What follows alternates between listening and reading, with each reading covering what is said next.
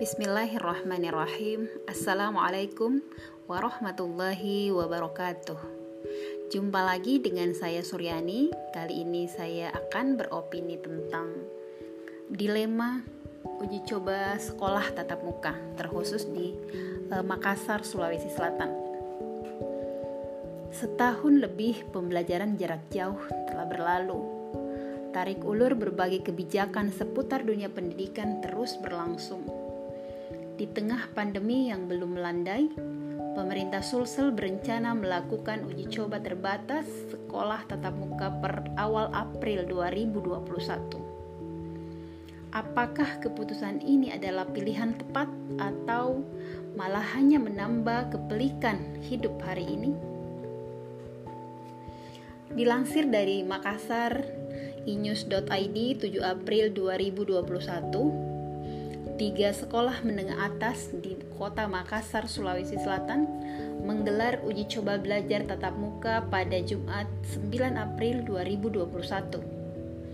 Pembelajaran baru mulai aktif pada Senin 11 April 2021. PLT Gubernur Sulsel Andi Sudirman Sulaiman mengatakan bahwa untuk uji coba pembelajaran tatap muka terbatas yang kita launching hari ini baru berlaku kepada tiga sekolah, yakni SMA Negeri 21, SMA Negeri 4, dan SMA Negeri 2 Makassar. Tarik ulur kebijakan terkait pembelajaran di masa pandemi sudah berlangsung sejak awal masuknya virus ini ke Indonesia. Beberapa wilayah yang dianggap aman sudah memperlakukan sekolah tatap muka di awal tahun 2021. Makassar sendiri baru akan memulai per 11 April, itu pun terbatas pada tiga sekolah. Sebagian masyarakat merasa was-was mengingat Makassar adalah salah satu daerah dengan risiko cukup tinggi. Data pasien terkonfirmasi selama April 2021 di angka 1388 pasien dengan rata penambahan pasien COVID-19 di angka 92 pasien per, per hari. Uh, ini data uh, sementara di Sulawesi Selatan. Melihat data yang masih terbilang cukup tinggi di beberapa wilayah termasuk Makassar, kebijakan sekolah tatap muka tentu harus dipikirkan dan dianalisis secara cerdas Faktor kesehatan jangan sampai menjadi ajang coba-coba hanya karena desakan publik dan berbagai kepentingan terselubung lainnya. Mencermati kondisi generasi hari ini akan ditemui segudang permasalahan dan kerusakan. Dunia digital dengan minimnya penguatan akidah dalam keluarga dan support sistem yang lemah membuat semuanya menjadi ambiar. Jika kita ingin viewer melihat bahwa kerusakan yang terjadi terkhusus pada dunia pendidikan bukanlah perkara baru. Akumulasi kegagapan regulasi memberi andil besar bagi kegagalan pencapaian generasi yang unggul dan bertakwa, melenceng jauh dari tujuan pendidikan nasional.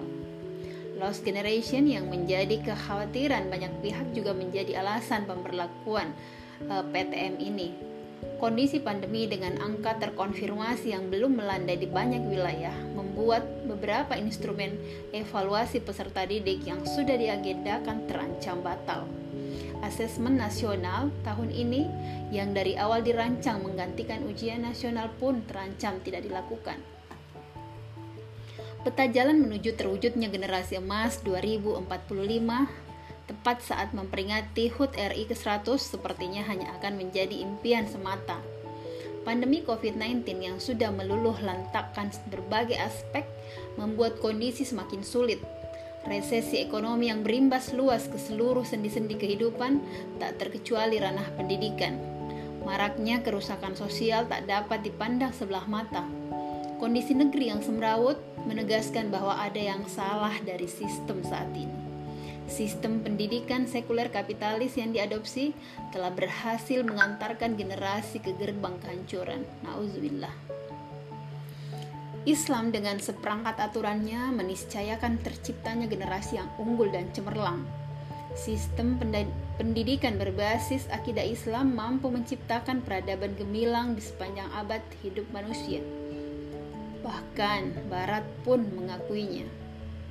Para ilmuwan muslim dengan semangat yang dilandasi ketakwaan kepada Allah Subhanahu wa taala berupaya semaksimal mungkin mempersembahkan yang terbaik untuk kegemilangan peradaban umat manusia.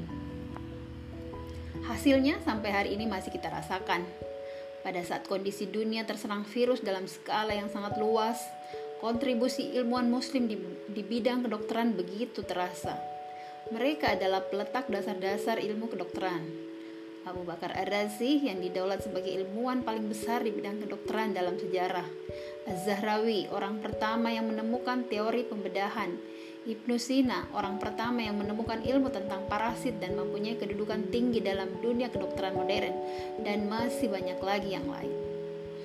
Intelektual Muslim berhasil mencapai keunggulan tidak hanya dalam bidang sains, namun juga fakih dalam bidang agama Kolaborasi yang sangat luar biasa menghasilkan generasi pembangun, pembangun peradaban mulia dan agung.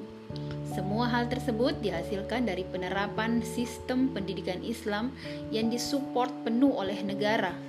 Sistem Islam kafah sebagai sistem yang berasal dari Sang Pencipta terbukti mampu menyejahterakan manusia tanpa memandang agama, suku, dan e, ras.